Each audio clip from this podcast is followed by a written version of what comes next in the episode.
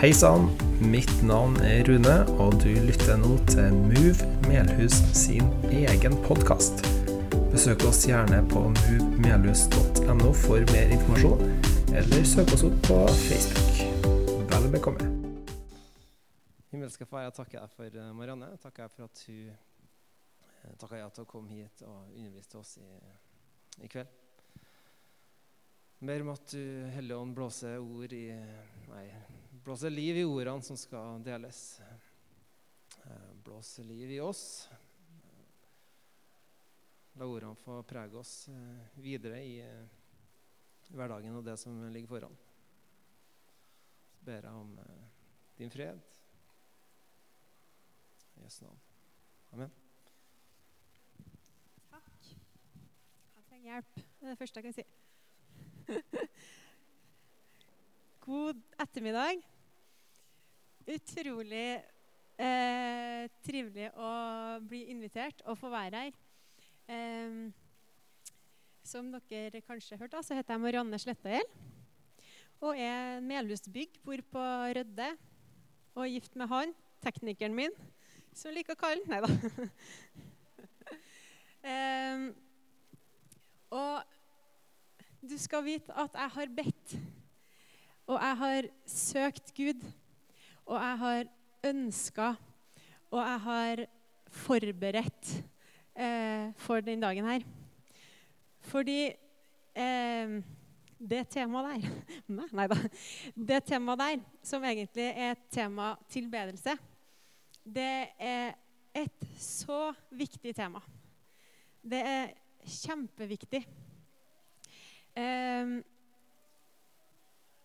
for tilbedelse, det er Det, det rommer så masse, da. Um, det er viktig. Og så er temaet tilbedelse personlig. Det gjelder deg, og det gjelder meg, og det er personlig. Eh, og når det er personlig, så kan det også da vil det også si at det er litt både og i forhold til hva vi tenker om det. sant? Fordi vi er jo ikke samme person Hva skjer? Jeg er jo ikke samme person som deg, og du er ikke samme person som meg, så vi vil tenke forskjellig. Eh, så når vi snakker om tilbedelse, så kan vi også oppleve at det trigger noen vanskelige punkt i oss. Eh, og jeg skal trigge alle punktene du har i dag. Det er det jeg har lyst til. Jeg har lyst til å trigge mine egne punkt i dag fordi tilbedelse er så viktig. Vi var skapt for det. Vi skal holde på med det til evig tid.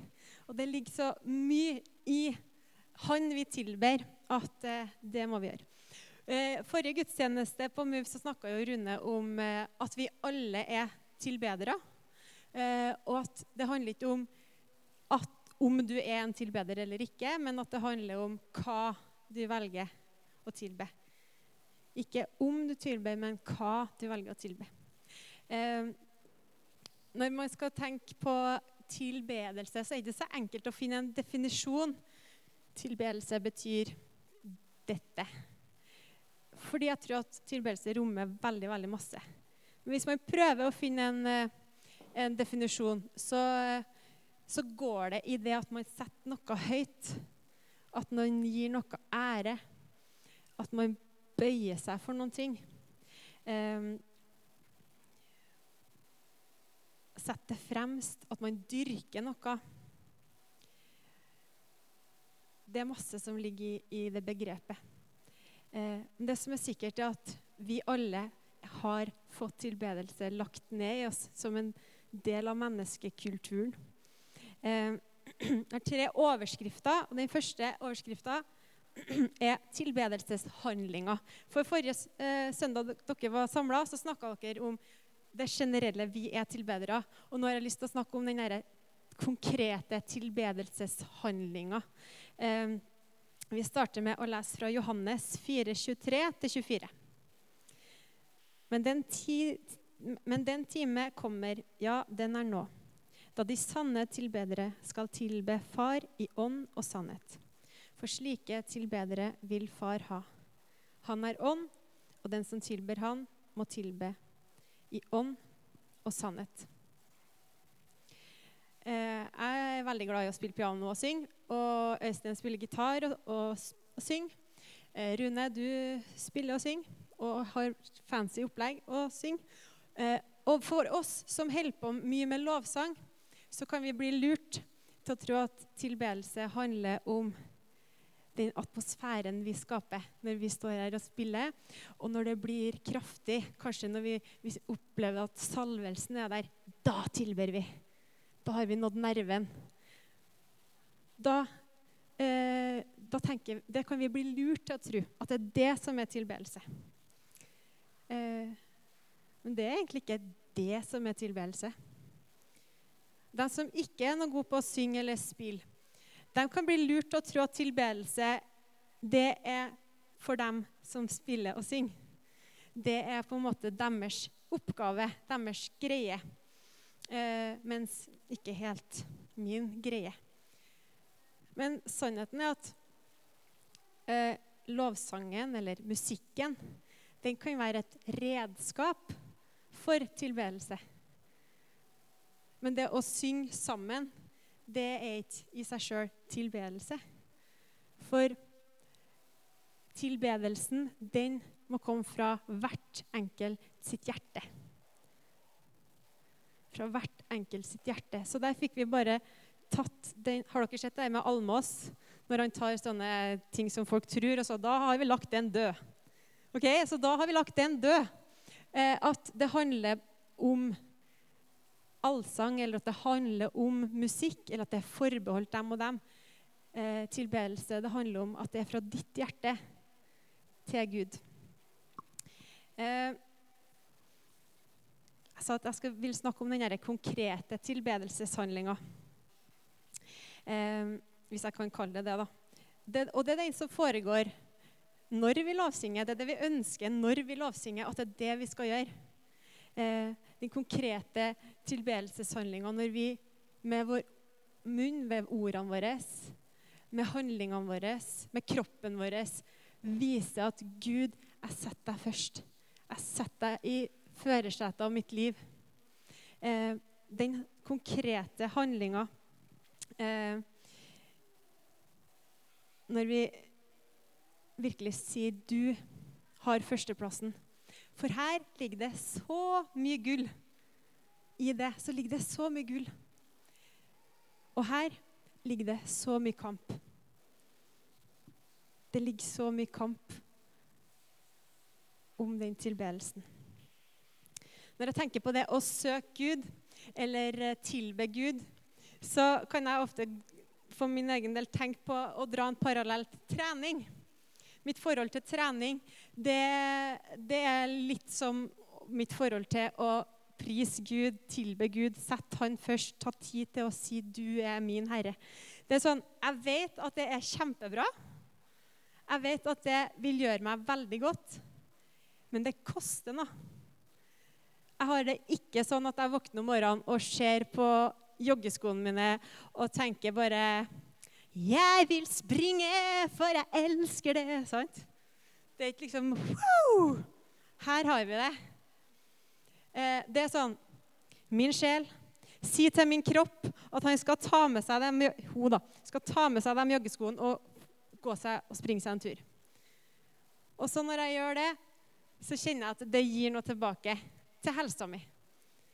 Og litt det samme kan det være i forhold til det å sette Gud først, søke Gud, Bruk tid. Det koster noen gang noen ting. Noen ganger så er det bare sånn Takk, Gud, enn at du gjorde det her for meg. Oh, det bare kommer spontant, lett. Fordi man er så overvelda, eller det, det bare er der. Mens andre gang så er det sånn Min sjel, lov Herren. Sant? Jeg må bestemme meg. Nå gjør du det. Og så har det alltid noe godt tilbake til meg. Jeg kommer aldri fra en, et punkt der jeg søker Gud, og så å, går jeg bort skikkelig destruktiv, liksom. Det er godt for oss. Um, tilbedelseskultur. Søk først Guds rike. Noe av det jeg virkelig har lyst til å snakke med dere om i dag, det er at vi kan være folk som bygger en kultur av tilbedelse. Eh, det å være hverandres drahjelp. Sånn som jeg trenger drahjelp til å få meg opp på den joggeturen, så trenger jeg drahjelp til å søke Gud midt i livet mitt. Og der trenger du drahjelp i livet ditt. Det er jeg sikker på, for du er et menneske, du òg. Vi trenger hverandre til drahjelp for å søke Gud. Og man kan bygge en kultur som legger til rette for at vi skal søke Gud. Og så kan vi faktisk bygge en kultur som gjør det vanskeligere å søke Gud. For det blir så mye regler, og det blir så mye ting, og det blir så mye tvang. Men vær en kultur som gjør det enkelt å søke Gud midt i livet. Vi skal lese eh, fra noen som eh, virkelig levd med en kultur av tilbedelse. Eh, det står i Apostlenes gjerninger 16-31. 16 det er litt å lese, men vi leser det hvis jeg finner riktig lys oppå her. Det var litt vanskelig, faktisk. Men jeg prøver. En gang vi var på vei til bønnestedet, møtte vi en slavekvinne som hadde en spådomsånd i seg. De som eide henne, tjente gode penger på spådomskunstene hennes. Hun fulgte etter Paulus og oss mens hun ropte og skrek. Disse folkene er tjenere for Gud, den høyeste, og de forkynner dere veien til frelse. Dette gjentok seg flere ganger. Da ble Paulus sint, snudde seg og sa til ånden, 'Jeg befaler deg i Jesu Kristi navn, far ut av henne.' Og den forlot henne på timen. Da herrene hennes forsto at det ikke var mer fortjeneste å håpe på, grep de Paulus og Silas og trakk dem med seg eh, til myndighetene på, på torget. De førte dem fram for byens romerske dommer og sa.: Disse mennene lager bråk i byen vår. De er jøder, og de forkynner skikker vi ikke har lov til å godta eller følge. Vi som er romerske borgere. Folkemengden deltok også i angrepet på dem, og dommerne fikk klærne revet av dem og befalte at de skulle piskes. De fikk mange slag og ble satt i fengsel, og fengevokteren fikk ordre om å vokte dem godt. Da han hadde fått dem denne ordren kastet han dem innerst i fangehullet og låste føttene deres fast i blokker. Ved midnattstider holdt Paulus og Silas bønn og sang lovsanger til Gud. Og fangene lyttet til dem. Plutselig kom det et kraftig jordskjelv, så grunnmuren i fengselet ristet. Straks sprang alle dørene opp, og lenkene løsnet av alle fangene. Fangevokteren for opp av søvnen og så at fengselsdørene sto åpne. Han grep et sverd og ville drepe seg fordi han trodde fangene hadde rømt. Med all sin kraft ropte Paulus til ham, 'Ikke gjør deg noe vondt. Vi er her alle sammen.' Fangevokteren ba eh, om å få lys, løp inn og falt skjelvende ned for Paulus og Silas. Så førte han dem utenfor og sa, 'Hva skal jeg gjøre, gode herrer?' for å bli frelst?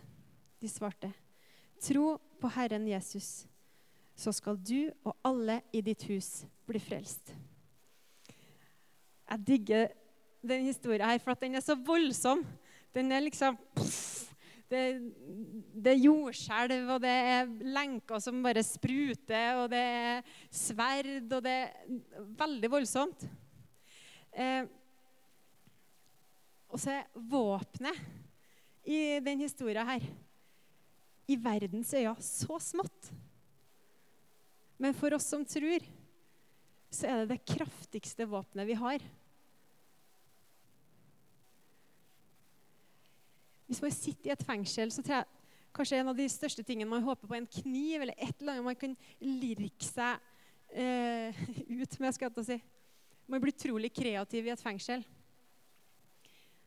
Mens de hadde luft de hadde stemmebåndene sine.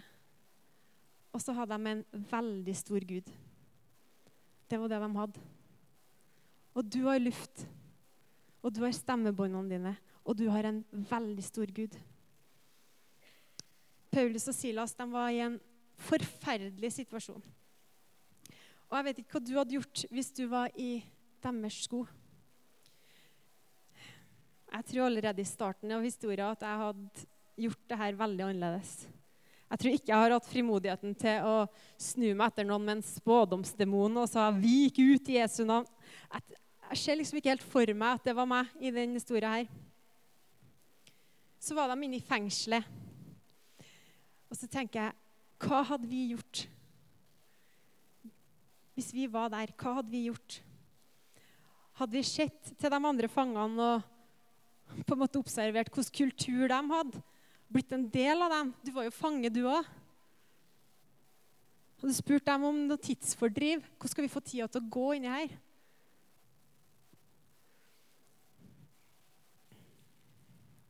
Jeg håper vi hadde hjulpet hverandre til å tilbe. Jeg håper vi hadde hjulpet hverandre til å se til Gud. Og livet, det, det kan bli ganske tøft til tider. Og din historie er ikke lik min historie, men jeg vet at alle er vi mennesker, så vi møter livet alle sammen. Og midt i det her så kan det bli tøft. Og hva gjør vi da?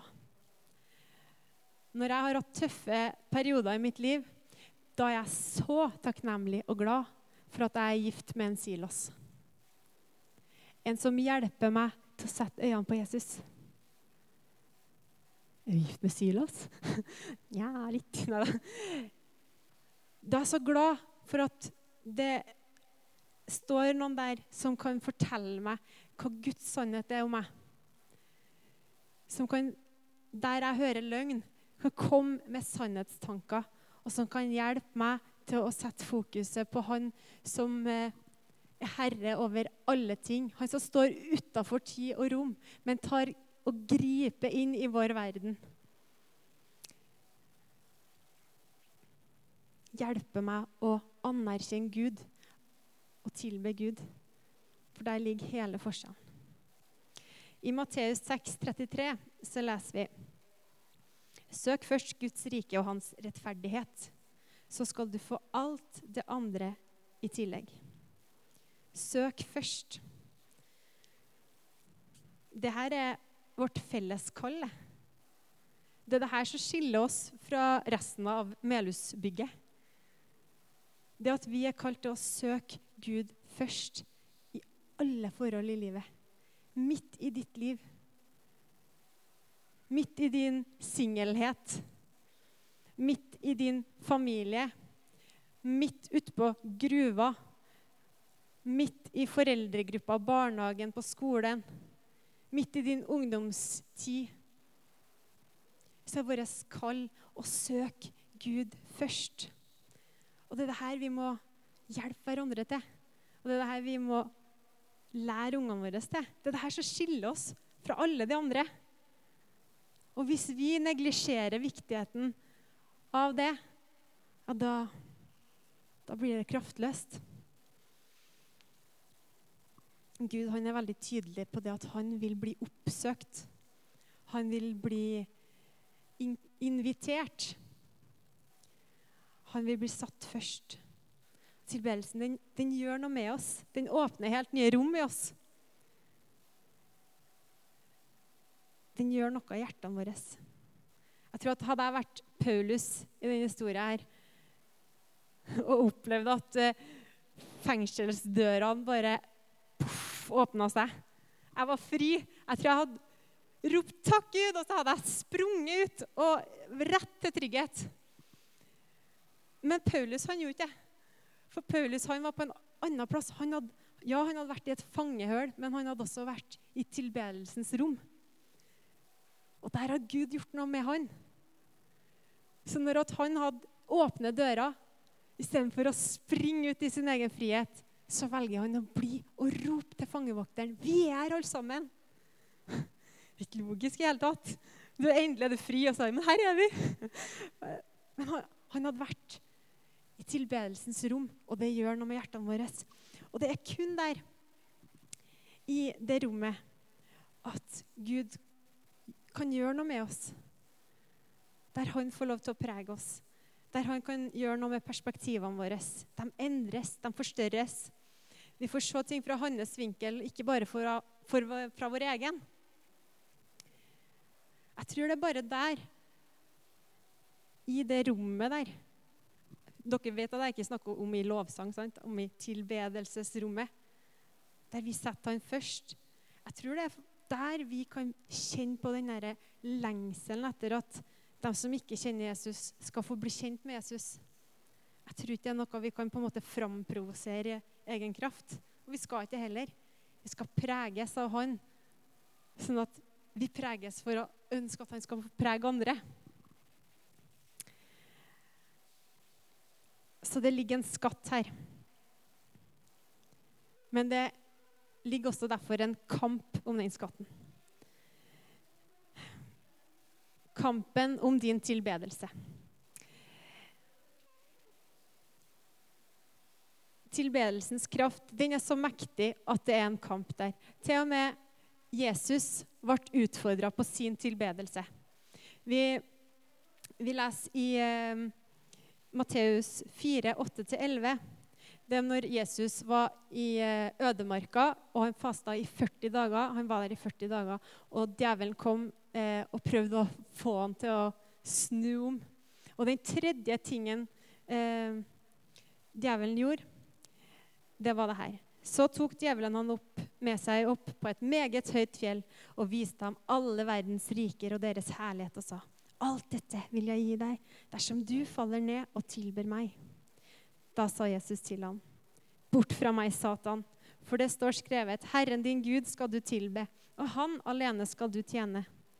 Da forlot djevelen han, og se, engelen, engler kom og tjente han. Siden vi vet at det til og med var kamp om Jesu tilbedelse. Så hva er vår kamp? Hva er din kamp? Hvor ligger kampen om din tilbedelse? Er det dårlig samvittighet, bekymring, stolthet, stil?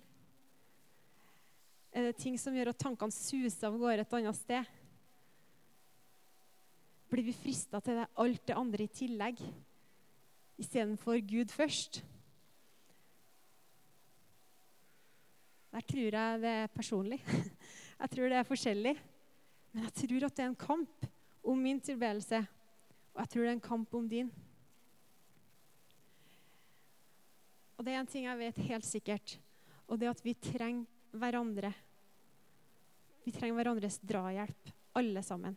Det er ingen av oss som kan si mm, jeg trenger ingen. No, det her har jeg helt alene. Ja, det er kanskje et par i hele verden, da, men eh, de fleste av oss vi trenger hverandre. Og det meste som står i Det nye testamentet og til menighetene eh, i nytestamentlige tida, det var om et oss. Det var om et vi. Det var ikke om et enkeltindivid. Um, så vi trenger hverandre. Vi trenger å oppbygge hverandre. Vi trenger å be for hverandre, med hverandre. Vi trenger å bekjenne for hverandre. Vi trenger å tilbe sammen. For der ligger det så mye krutt. Og det er derfor vi opplever kamp rundt det der. Det er åndelig. Vår kamp er ikke mot kjøtt og blod, står det i Bibelen. Det er åndelig. Men det har praktiske uttrykk, og det har praktiske handlinger. Jeg har to historier som jeg har lyst til å dele om noe som har vært med å prege min eh, tilbedelse. Og nå blir jeg veldig usikker. Det blir jeg alltid når jeg har en tale. Hvor lenge holder jeg på? Og da blir jeg stressa, og da bare blir alt rot. Så nå må jeg bare sjekke. Et kvarter bare det. Ok. Ja, nei, men det skal gå bra. Den første historien var at jeg var med i et kor. I det koret så ble jeg, ble jeg frelst. Jeg fikk oppleve å være sammen med folk som tilba Gud. Det var mer enn et kor som sang eh, toner og gloser, skal du si. Men det var et levende fellesskap der. Vi oppbygde hverandre, vi ba for hverandre. Det kom folk på øvelsene våre for å bli bedt for. Vi, vi opplevde så mye fantastisk sammen. på en turné i Europa så opplevde vi at vi ba Gud, nå må det slutte å regne, for her vil vi proklamere ditt navn. Det hølja ned på den plassen. Og vi ba Jesu navn, det skal slutte å regne. Ti! Jesu navn, det skal slutte å regne. Ni! Vi var fylt av tro. Vi var fylt av engasjement. Vi ville at flere skulle få oppleve det vi opplevde. Vi telte én, og vi telte null. Himmelen åpna seg. Folk strømma ut i gatene, og vi proklamerte eh, Gud med sang i, på den plassen. Det var helt fantastisk. Jeg hadde med to kompiser som ikke var kristne. De var helt forfjamsa. Vi opplevde så mye fantastisk sammen. Og Så gikk det litt tid, og så sprettes vi. Noen gikk på skole her, noen begynte der. Eh, og så samle, ble vi samla igjen. Og så var ting annerledes. Fokuset hadde snudd. Jeg husker det var noen som sa Altså, hvorfor, hvorfor driver vi og løfter hender når vi ber? Eller når vi lovsynger? Det skjer jo bare altså, Det ligger jo ingenting i ei hånd. Nei, det ligger ingenting i ei hånd. Ganske teit det der at vi lukker øynene når vi skal prise Gud. Å, Jesus. Akkurat som han er inni hodene våre. Ganske teit. Ting begynte å bli sagt. Fått andre impulser.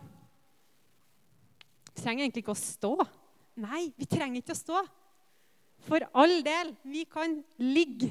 Det spiller ingen rolle. Men det at vi begynte å påpeke ting med måten vi gjorde ting på, gjorde at vi ble så bevisst på det istedenfor på han vi skulle tilbe. At når vi skulle synge sammen, lovsynge sammen, så ble det sånn eh, Jesus, du er min klippe. Altså, Vi så på hverandre, og det ble en skikkelig klam og ekkel stemning. Det ble sånn skikkelig kleint, rett og slett. Så vi gjorde det mindre, og vi gjorde det mindre. For det ble så rart. Det ble så bundet. Men det var jo rett, det de sa, det vi sa. Men det bandt oss. Det var ikke noe som fordra tilbedelsen til å få rom. Til slutt så var det så kjip stemning at når vi var samla, så tilba vi Gud sammen lenger. Og jeg husker at det kosta meg så mye å spørre Men dere, skal vi be litt? For det var som om trivselsnivået bare datt ti hakk hver gang det ble spurt Skal vi be litt sammen? Det er den ene historien min. Den andre historien min er fra når jeg og Øystein bodde på Han heter ikke Silas, nei, han heter Øystein. Uh, vi bodde på Møllenberg. Og det har skjedd i ettertid òg. Vi var raka blakk. Can I get a witness? you know we're raka blakk. ja. Og du har litt erfaring. Eh, vi satt i stua vår. Vi hadde gått gjennom økonomien, som sier hør og bør.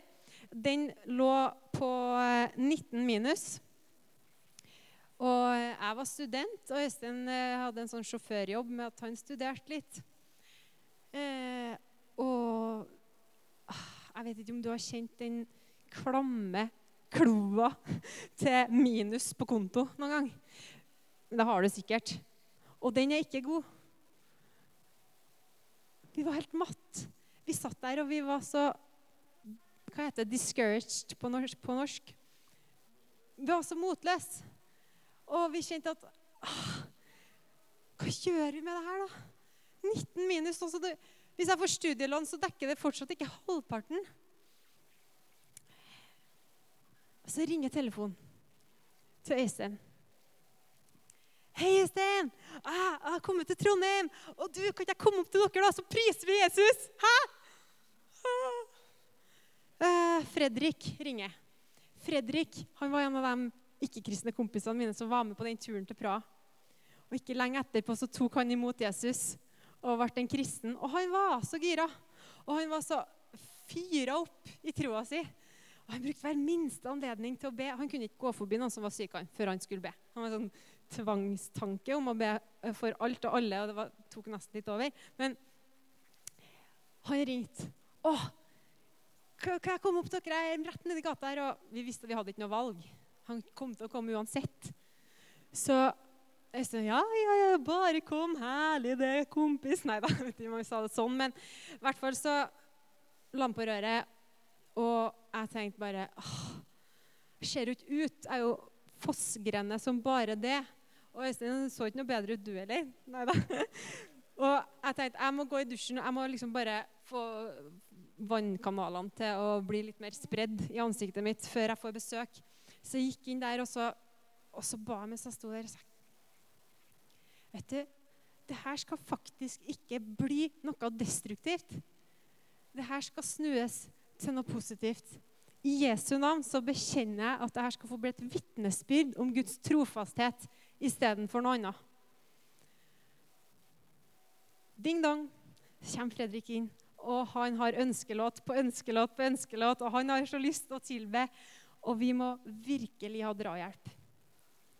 Men hvis Øystein stiller vet du, med gitaren, og jeg stiller med stemmen og Han hjelper oss til å snu fokuset vårt fra oss sjøl til manglene våre, til situasjonen vår, og over på Gud. Og bare Gud. Det er den andre historien. Vi kan være folk som hjelper hverandre til å tilbe Gud. Som hører til den historien, var at det ble faktisk et skikkelig vitnesbyrd om Guds trofasthet. I ukene etterpå vet du, det blafra inn tusenlapper i huset vårt. Ikke inn vinduet, men det var ei gammel dame i menigheten vår som kom. Du, jeg har fått igjen på skatten. Og når jeg ba, så sa han Gud at dere skulle fått 3000 av de pengene. Hæ? Og så kom det du, jeg har solgt ei linse på kameraet mitt. Og jeg tenkte at dere skulle få halvparten av pengene for den linsa, så det var 1000 kroner. Folk som ber, folk som søker Gud først, de kom til oss. Og vet du, det ble ikke minus. Det gikk bra. Og Det ble et stort vitnesbyrd for oss om Guds forsørgelse. Og at han til og med oss som ikke klarte å håndtere pengene våre, så at vi klar, kunne få hjelp. Jeg tror det er en kamp om vår tilbedelse for en grunn. For det gjør noe med fokusen vår. Det skifter noe i oss. Det skifter noe i deg. Det skifter noe i familien din. Um, og vi kan være med å bygge kulturer som tilrettelegger for at det skal bli lett å ta Gud på banen. Um, kraften i Han vi tilber. Om vi visste den kraften som ligger i Han vi tilber Og jeg snakker like mye til meg sjøl. Veldig mye til meg sjøl. Hvis vi visste den kraften som ligger i Han vi tilber, så ville vi gitt den så mye mer anerkjennelse. Så ville vi brakt den mer på banen. Vi ville ha inkludert flere. Vi har så mye å oppdage. Ingen av oss er utlært. Vi kommer aldri til å bli det her på jorda. Gud har så mye i sitt rom. Så mye perspektiv i sitt rom. Vi må hjelpe hverandre til å gå til det rommet, for det er det som skiller oss fra alle de andre. Hvordan vil du være en som tilrettelegger for tilbedelse for dem som er rundt deg, og for den kirka du hører til? Hva vil vi gi videre til ungene våre? Hva skal vi lære dem?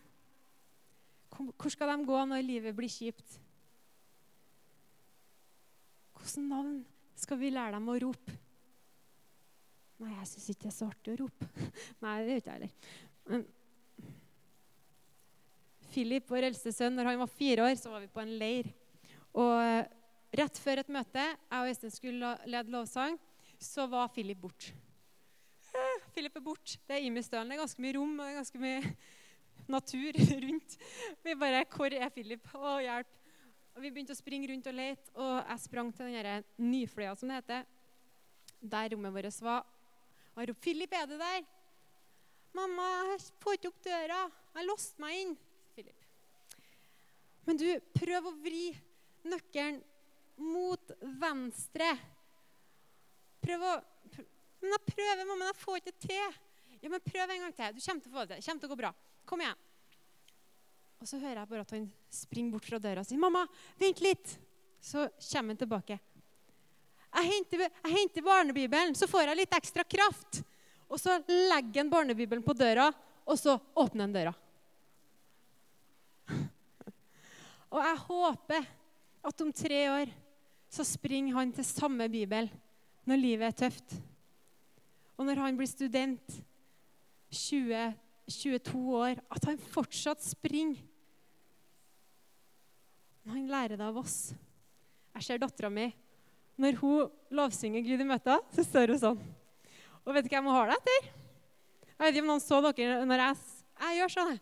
Ding, ding, ding. Det er liksom min Nå er jeg her, Gud. Ding, ding, ding. Og Mathea hun gjør akkurat likeens. Hun ser til meg, og hun gjør det jeg gjør. Jeg håper ungene våre springer til Jesus. Jeg håper de kan å tilbe og sette han først. Og jeg ønsker utfordre deg til å være en Silas. Eller en Fredrik. For det koster noe. Men det er der vi trenger å være som kristne. Jeg har lyst til å avslutte med å lese et bibelvers. Og legg merke til at det er så mye snakk om oss. Et oss. Vi har veldig mange lovsanger som er sånn 'Jeg kommer framfor deg, og du elsker meg, og vi to for alltid'. Uh, uh, uh. Men i Bibelen så er det veldig mye oss i et fellesskap. Vi trenger hverandre. Dere trenger hverandre. Må hjelpe hverandre Sett Gud først. Kommer det opp noe der, eller? Nei, det gjør kanskje ikke det. Jo, der gjør det. Mm. Så har vi da Ja, det står i Hebreerne 10, 19-25. Så har vi da søsken. Frimodighet ved Jesu blod til å gå inn i helligdommen, dit han har innviet en ny og levende vei for oss gjennom forhenget, som er hans kropp. Og siden vi har en så stor prest over Guds hus, så la oss komme fram med oppriktig hjerte, med oppriktig hjerte og full visshet i troen. Med hjertet renset for vond samvittighet og kroppen badet i rent vann. La oss holde urokkelig fast på bekjennelsen av håpet. For Han som ga løftet, er trofast. La oss ha omtanke for hverandre, så vi oppgløder hverandre til kjærlighet og gode gjerninger. Og la oss ikke holde oss borte når menigheten vår samles, som noen har det for vane. La oss heller oppmuntre hverandre. Og det er så mye mer som dere ser at dagene nærmer seg. Jeg vil be for dere. Kjære Gud, takk for Move. Takk for at Move fins i Melhus. Takk for alle menneskene som går her og er her og er en del av fellesskapet her. Herre, jeg takker deg for at uh, Move skal bli satt på kartet som en plass som setter deg først. Jeg ber Herre om at du viser oss den kampen som er over vår tilbedelse, sånn at vi kan ta den kampen og stå innenfor deg mer. Og sette deg først mer. Herre, jeg takker deg for at du vil gi oss så masse i det rommet av tilbedelse. At du vil gi oss perspektiv. At du vil gi oss din ånd. At du vil gi oss av din fred. At du vil gi oss av ditt hjerte for dem som er rundt oss. Kan jeg takke deg og jeg tilber deg, ære deg, sette deg høyest. Og vi som er her nå, vi ønsker å si til deg at vi setter deg høyest. Kom og gjør noe i hjertene våre. Kom og hjelp oss til å bli Silaser for hverandre. Gjør oss frimodige, Herre. I Jesu navn.